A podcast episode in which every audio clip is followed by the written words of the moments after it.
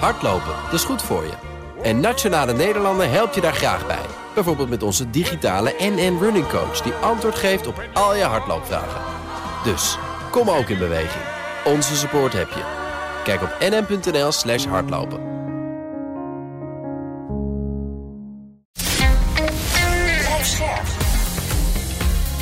BNR Nieuwsradio. De AEX-factor.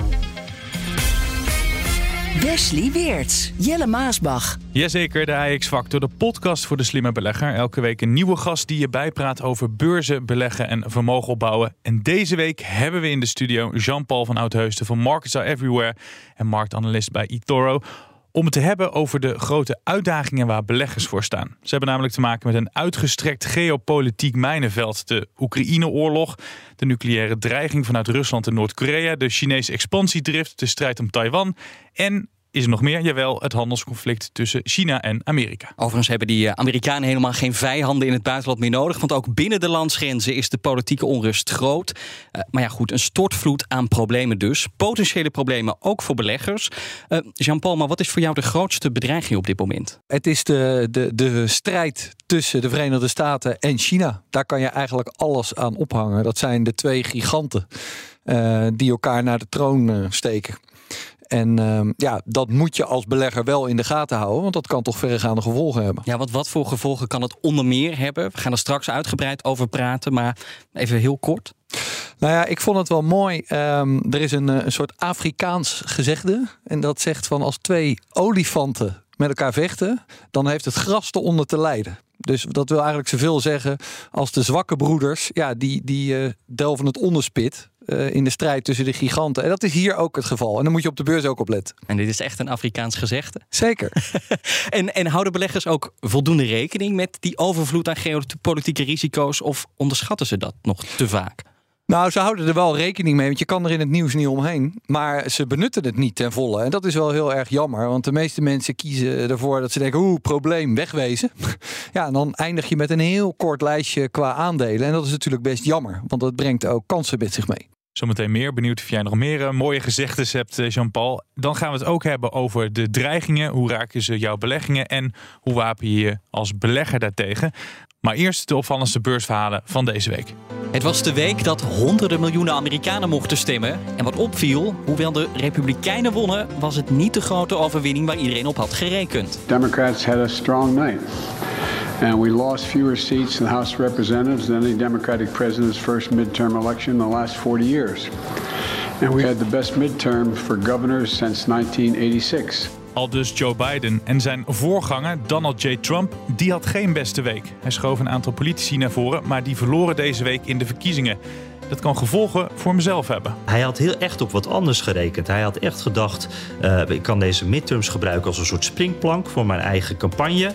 Nou is er die ene andere kandidaat, waar wij het al zo vaak over gehad hebben, Ron DeSantis, die gouverneur van Florida. En die heeft het gewoon waanzinnig goed gedaan hè, in Florida. Die heeft met zo'n grote overmacht gewonnen, dat dat eigenlijk nu denk ik de kandidaat is die het beste uit de startblokken komt. Ja, ja. De kunstcollectie van Microsoft-oprichter Paul Allen, die een paar jaar geleden overleed, heeft een recordbedrag opgehaald. Er kwam meer dan anderhalf miljard dollar binnen. 150 works of art spanning 500 years, making it the most expensive collection ever sold. And wealthy collectors so far totally unfazed by recession fears. En dat is goed nieuws voor het goede doel, want al het geld ging daar naartoe. Adidas heeft voor de derde keer deze zomer, sinds deze zomer, de winstverwachting verlaagd. De Duitsers worden financieel geraakt omdat ze de samenwerking met rapper Kanye West hebben opgezegd. Maar niet alleen Adidas krijgt een financiële klap. The move costing Ye his billionaire status. Forbes reports his net worth dropped to 400 million after Adidas dropped him. Several other major businesses and brands have also dumped him. JP Morgan and Chase kicked him out of the bank. Talent agent CAA dropped him as a client. Twitter and Instagram suspended all of his social media, everything. Not a good day for Ye at all. Elon Musk heeft geen vrienden gemaakt in zijn eerste week bij Twitter. De helft van het personeel moest eruit. You have thousands of people who are just watching themselves being disconnected from Twitter, Slack, and then narrating their experiences on Twitter for all of us to see. So there's a lot of uh, confusion and uncertainty about what it's going to mean for the, the future of this company. Paniek in cryptoland. Handelsplatform FTX heeft miljarden nodig en staat op omvallen. FTX has at least an $8 billion hole on its balance sheet. That is as far as they say they got in the vetting process. Another source telling me the losses could be significantly larger than that. Beleggers zijn geschokt en vrezen een domino-effect. En ook Disney had trouwens een zware week. Het aandeel werd afgestraft omdat de kwartaalcijfers tegenvielen. Maar waar beleggers ook van schrokken, de vooruitzichten voor Disney Plus. Het duurt volgens de CEO nog tot 2024 voordat streamen winstgevend is. Tot onvrede van analisten. But the bigger they get, the more they're losing. I mean, th- that is a worrisome trend. And at some point, those numbers have to start turning around. 2024 uh, klinkt voor heel veel beleggers en analisten nog ver weg. Ben je het daarmee eens? Ik ben het er niet mee eens, want ik beleg voor de lange termijn. Maar inderdaad, op de beurs is dat uh, mijlen ver weg, ja. Ja, want ze hadden nu al verwacht na al die investeringen ook die groeispurt. Want ze hebben heel ja, veel leden. morgen. Ja. Ja. ja, ze zijn te, te ongeduldig. Nou ja, je mag net zo ongeduldig zijn als dat je wil. Maar in het geval van Disney, uh, ja, het, dat is toch een beetje een turnaround verhaal. Die hebben tijdens die pandemie een enorme klap gehad. Omdat al die themaparken Precies. dicht waren. Nou ja, dat is natuurlijk toch nog steeds een groot uh, uh, onderdeel van de omzet. Daardoor is de schuld opgelopen. Die moeten ze nu terugverdienen. Ja, en als je dan een bericht krijgt dat ze nog meer hebben uitgegeven aan die streamingdiensten. Ja, dan word je daar als belegger nou niet direct gelukkig van. Ja, en die rente gaat omhoog. Dus dan wordt misschien ook meer gekeken naar de enorme schuldenberg uh, van Disney. Precies. En uh, nou ja, die moet je afbouwen met het geld dat je verdient. Uh, nou ja, en dan is te hopen dat dat uit die themaparken komt. Maar er komt op dit moment niet genoeg uit om uh, het verlies aan de streamingkant goed te maken. Nou, je zegt wel wat interessants, want die themaparken, dat is waar ze jarenlang hun geld uh, mee verdienden. Toen zei Disney ineens, onder leiding van deze nieuwe topman, we gaan vol inzetten op, op streaming. Uh, streaming, dat wordt het, het zwaartepunt. En als dat dan ook nog een paar jaar duurt voordat er winst gemaakt wordt, kan ik me voorstellen dat je toch een beetje zenuwachtig wordt. Ja, dat is trouwens, sta maar toe, maar dat is niet helemaal, want dat was al onder de vorige topman. Je hebt bij Disney, ook, ja. Ja, je hebt bij Disney natuurlijk die hele strijd gehad van die, die Bob Iger, die was de CEO tussen 2005 en 2020. Ja. En toen stelde die, die uh, Bob Chapek aan als degene die nu de CEO is. Mhm. Maar die deed meteen de tarieven wilde die omhoog doen van Disney Plus. En dan zei die Iger van ja, maar dat was niet de bedoeling. Dus die begon zich er weer mee te bemoeien. Maar die is nu in ieder geval weg. Ja. Um, ja, um, het, het, het, we weten dat er veel geïnvesteerd moet worden. En de concurrentie is natuurlijk flink aanwezig op die streamingmarkt. Dus dat wordt nog een heel uh, gevecht. Zij zitten Netflix uh, dicht op de hielen. Je had het net al over die abonnementsprijzen verhogen. Dat willen ze doen. Dat wil Netflix ook doen. Kan dat alleen als de concurrentie uh, het ook doet? Uh, dat is nu een beetje stuivertje wisselen, zeg maar. Dus ze zitten op de hielen. Ze hebben natuurlijk wel een indrukwekkende hoeveelheid abonnees in korte tijd aan zich weten te binden. Dus dat hebben ze veel sneller gedaan dan, uh, dan Netflix. Nu het afgelopen kwartaal bij de kwartaalcijfers had Disney Plus er 12 miljoen bij. En Netflix 2,4. Dus in die zin uh, gaat het veel harder. Maar ja, het is ook het kopen van marktaandeel. En daar komen die, die kosten vandaan. Ze hebben nu een abonnement uh, neergezet voor, um, dus met advertenties van 7,99 dollar. Ja, daar duikt Netflix dan nu weer onder.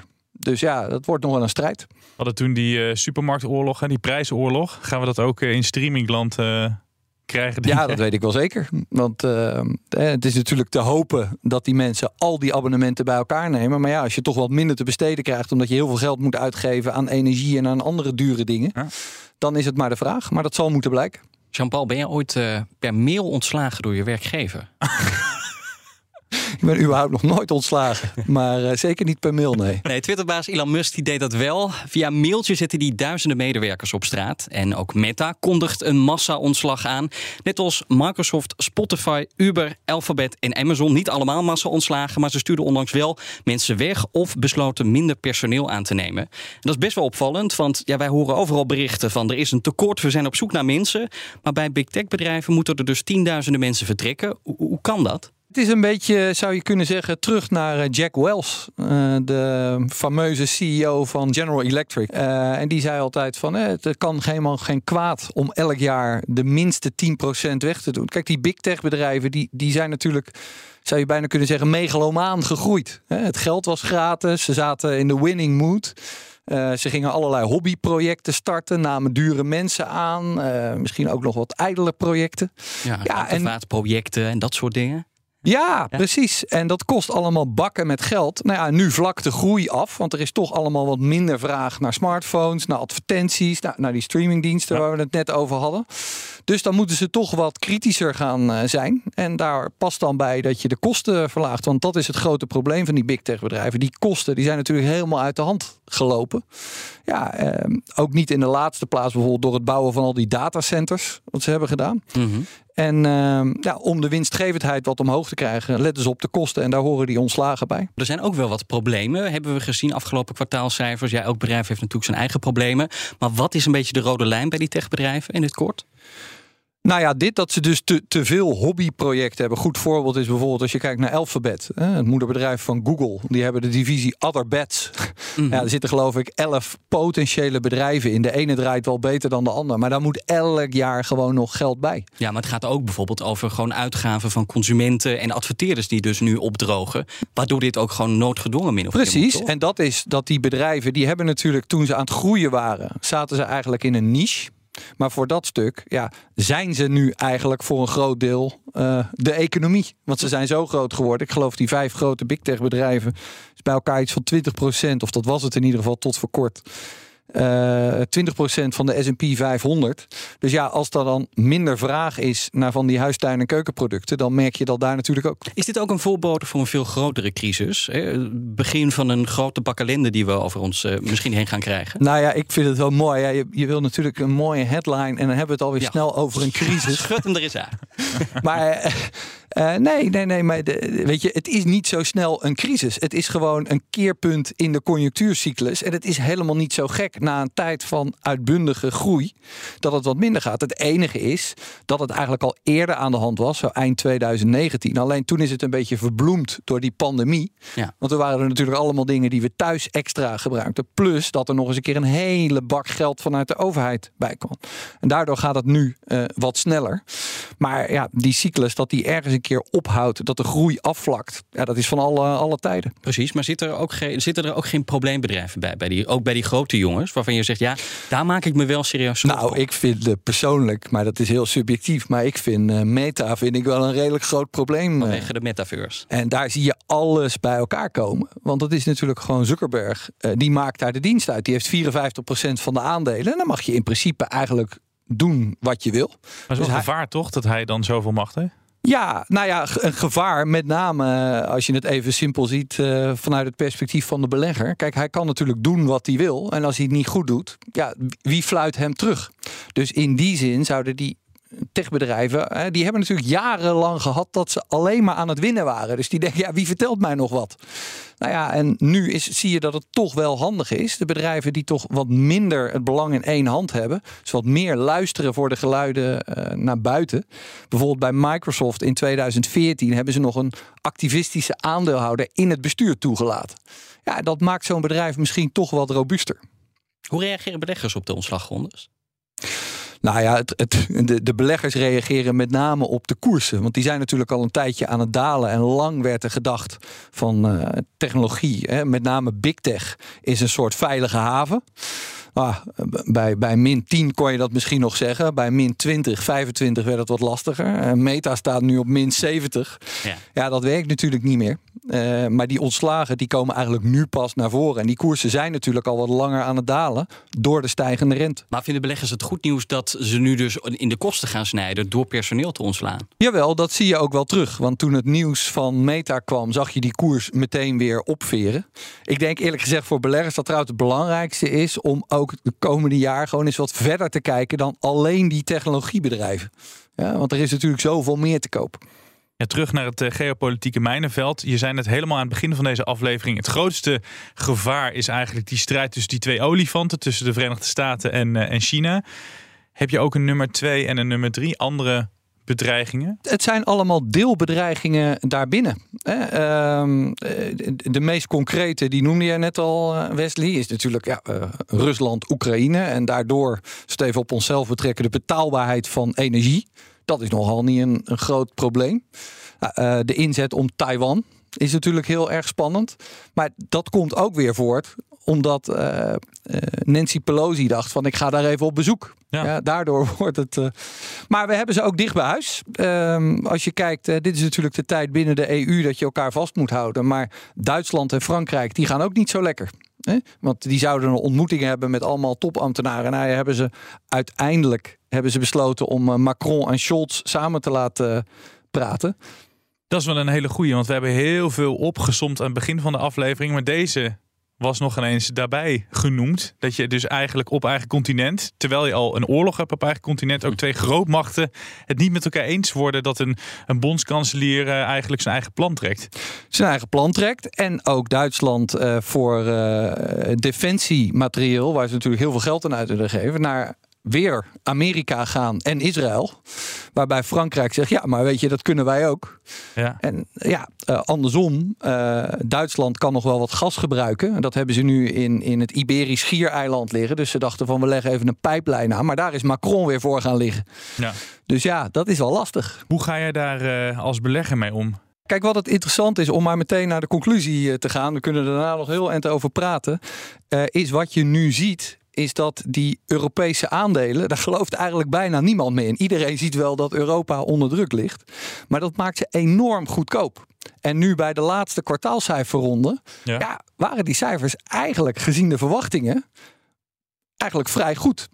Dus dat is toch wel waar mensen naar eh, zitten te kijken. Van eh, koop ik nou het, het, eh, de winnaar die over het algemeen nog steeds heel duur is, of koop ik een bedrijf wat misschien wel onder druk ligt, maar op een gegeven moment weer wat meer naar boven komt. En je bedoelt dus dat de afgelopen tijd Europese aandelen ondergewaardeerd werden door al die geopolitieke zorgen? Ja, je kan een concreet voorbeeld nemen. Eh, zoals we kijken naar de autosector, mag ik altijd graag naar kijken, omdat beleggers dat ook altijd heel mooi vinden. Dan zie je een Volkswagen.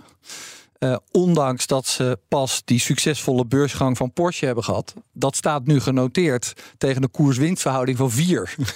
nou, was het in de autosector toch al nooit hoog. Maar vier is wel heel... eh, 4 is heel laag.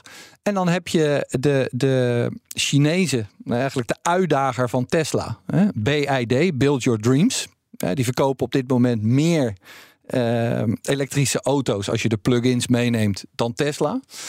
Maar ja, daar betaal je ook fors voor. Dat staat geloof ik eh, iets te- tegen eh, nou, ehm, tientallen keren de winst van volgend jaar. mhm.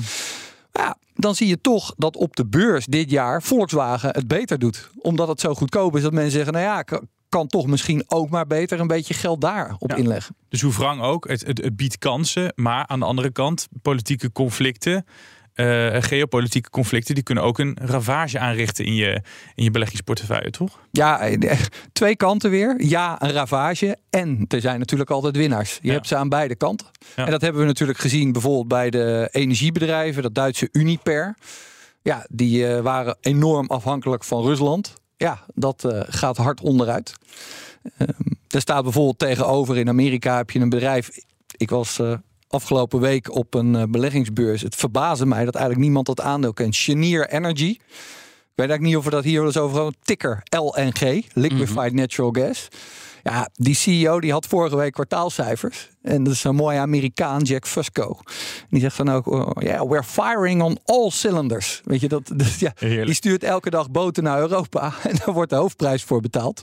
Dus dat aandeel dat staat weer dicht in de buurt van een all-time high. Dus je hebt winnaars en verliezers. Ja. Ja. En het bepaalt dus echt waarin je belegt. Tenminste, als je het, als je het goed doet en mee dus neemt in je beleggingsstrategie. dan moet je dus eigenlijk, en dat maakt het ook zo lastig. Hè? Want we zeggen natuurlijk bij beleggen altijd, doe het voor de lange termijn. En kijk niet naar de waan van de dag. Nee, maar Ja. dat doe je Ja. een klein beetje natuurlijk wel Nou ja, als je je er laat is meenemen. wel wat te halen als je dat wil doen. Het is natuurlijk wel moeilijker. Het is veel risicovoller. Het geeft veel meer onzekerheid. Alhoewel deze, ja, tikker LNG en we hebben te weinig gas. Dat je denkt, nou, die hadden wij hier met z'n drie ook nog kunnen Ja, bedenken. 1 en 1 is 2 inderdaad. Eén ding kwam wel even kort ter sprake. China, eh, ook voor veel beleggers, ja, krijgen ze geopolitiek kopzorgen van. Maar ik ken jou inmiddels ook een klein beetje. En ja, jij, bent, jij ziet ook wel kansen in China, geloof ik. Hoe, hoe zitten die kopzorgen bij jou omtrent China? Nou ja, ik probeer er zo neutraal mogelijk naar te kijken. Dat vind ik ook het leukste. En eh, eh, dingen, ik kijk tuurlijk, er gebeuren dingen in China elke dag weer. Dat je denkt, hoe verzinnen ze het? Ja, laat dat duidelijk zijn. Ja. Maar eh, omdat iedereen al vanuit het Westen loopt te bashen op China, vind ik het altijd wel leuk om de andere kant te nemen. Ja, en wat die, die, die Chinezen, die zeggen, ja, weet je dat Amerika, die, die dwingen ons eigenlijk. Alle handel wereldwijd gaat, wordt gedomineerd door de dollar. Ja, door die dollar de hele grondstoffenmarkt bijvoorbeeld gaat in dollars. En die Amerikanen die kunnen elke keer maar geld bij blijven drukken van die dollars. Mhm. En dan exporteren ze de inflatie. En wij zouden dat graag een beetje anders zien. Ja, dat is op zich niet zo gek. Wat wil China? Die zegt ja, weet je. Wij zijn natuurlijk autocraten en geen democraten. Ja. Maar we willen allemaal wat minder dat de VS alles wereldwijd bepaalt. ja, maar je ziet op dat gebied dus kansen juist. Nou, het is op de eerste plaats iets om rekening eh, mee te houden. Maar aan de andere kant, eh, China wil echt wel vooruit. Ja, alleen doen zij dat wel op de socialistische manier. Dus met dat common prosperity. Wat nou niet echt heel erg goed is eh, voor eh, aandeelhouders. Als de overheid op elk moment kan zeggen: Nou, je hebt zoveel winst gemaakt, doe mij een deel of besteed het aan goede doelen. Want het is ook zo dat als je kijkt naar de Chinese president Xi, die eh, ideologie stelt die boven het kapitalisme. En ja, als je dan kijkt naar eh, zeg maar het, de, de scoreladder van beleggers, eh, wat ze niet willen horen, dan scoort dit wel, denk ik, eh, 8, 9 of 10 op die scoreladder, toch? Dus terug even naar het voorbeeld wat ik net al even aanhaalde: Build Your Dreams, die auto's. Ja. Nou ja. Eh, dat gaat de testcase worden. Hè, die, die hebben enorm geïnvesteerd in. Die hebben alles in eigen hand. Dus eigen batterijen, eh, eigen chips, eh, noem het maar op. En die willen nu naar Europa. Eh, dus die hebben de boten klaar staan. Ik geloof le- letterlijk dat ze inmiddels acht van die grote tankers hebben gekocht. om die auto's te verschepen. Ja, dan mag jij het zeggen. Eh, Ik denk in de Verenigde Staten dat echt niemand een Chinese auto gaat kopen. Dat is er wel uitgeramd. Ja, en hier in Europa, als ze dadelijk goedkoper zijn dan eh, de Volkswagens en eh, de andere auto's, ja, dan moet ik het nog zien. Ik heb ze wel eens gezien in China. Dat zijn niet de mooiste auto's. Maar ja, we beslissen ook vaak op basis van onze portemonnee. Dus wat je zegt, als de prijs goed is. Die, die types die ze nu recentelijk maken. Want ze hebben natuurlijk allemaal eh, ook ehm, designers van de grote Duitse Ja, merken naar China gehaald. Uit, heb je wel gelijk in. Ja. Die zien er nu eh, niet Ja. verkeerd uit hoor. De AEX-factor. Wesley Weerts. Jelle Maasbach. Hier even een bericht over een andere podcast. Ziek zijn is al vervelend genoeg. Dus hoe fijn is het als de zorg die je nodig hebt met je meebeweegt? Zorg zonder digitalisering is niet meer voor te stellen. Maar hoe zorgen we ervoor dat er evenveel zorg gaat naar de beveiligingssystemen als naar de patiënt? En wat kan je doen om niet alleen je eigen organisatie, maar ook de hele keten beter te beschermen? Daarover gaat de nieuwste aflevering van de podcast Digital Heroes van KPN. Hij is nu te luisteren op bnr.nl of in je favoriete podcast-app.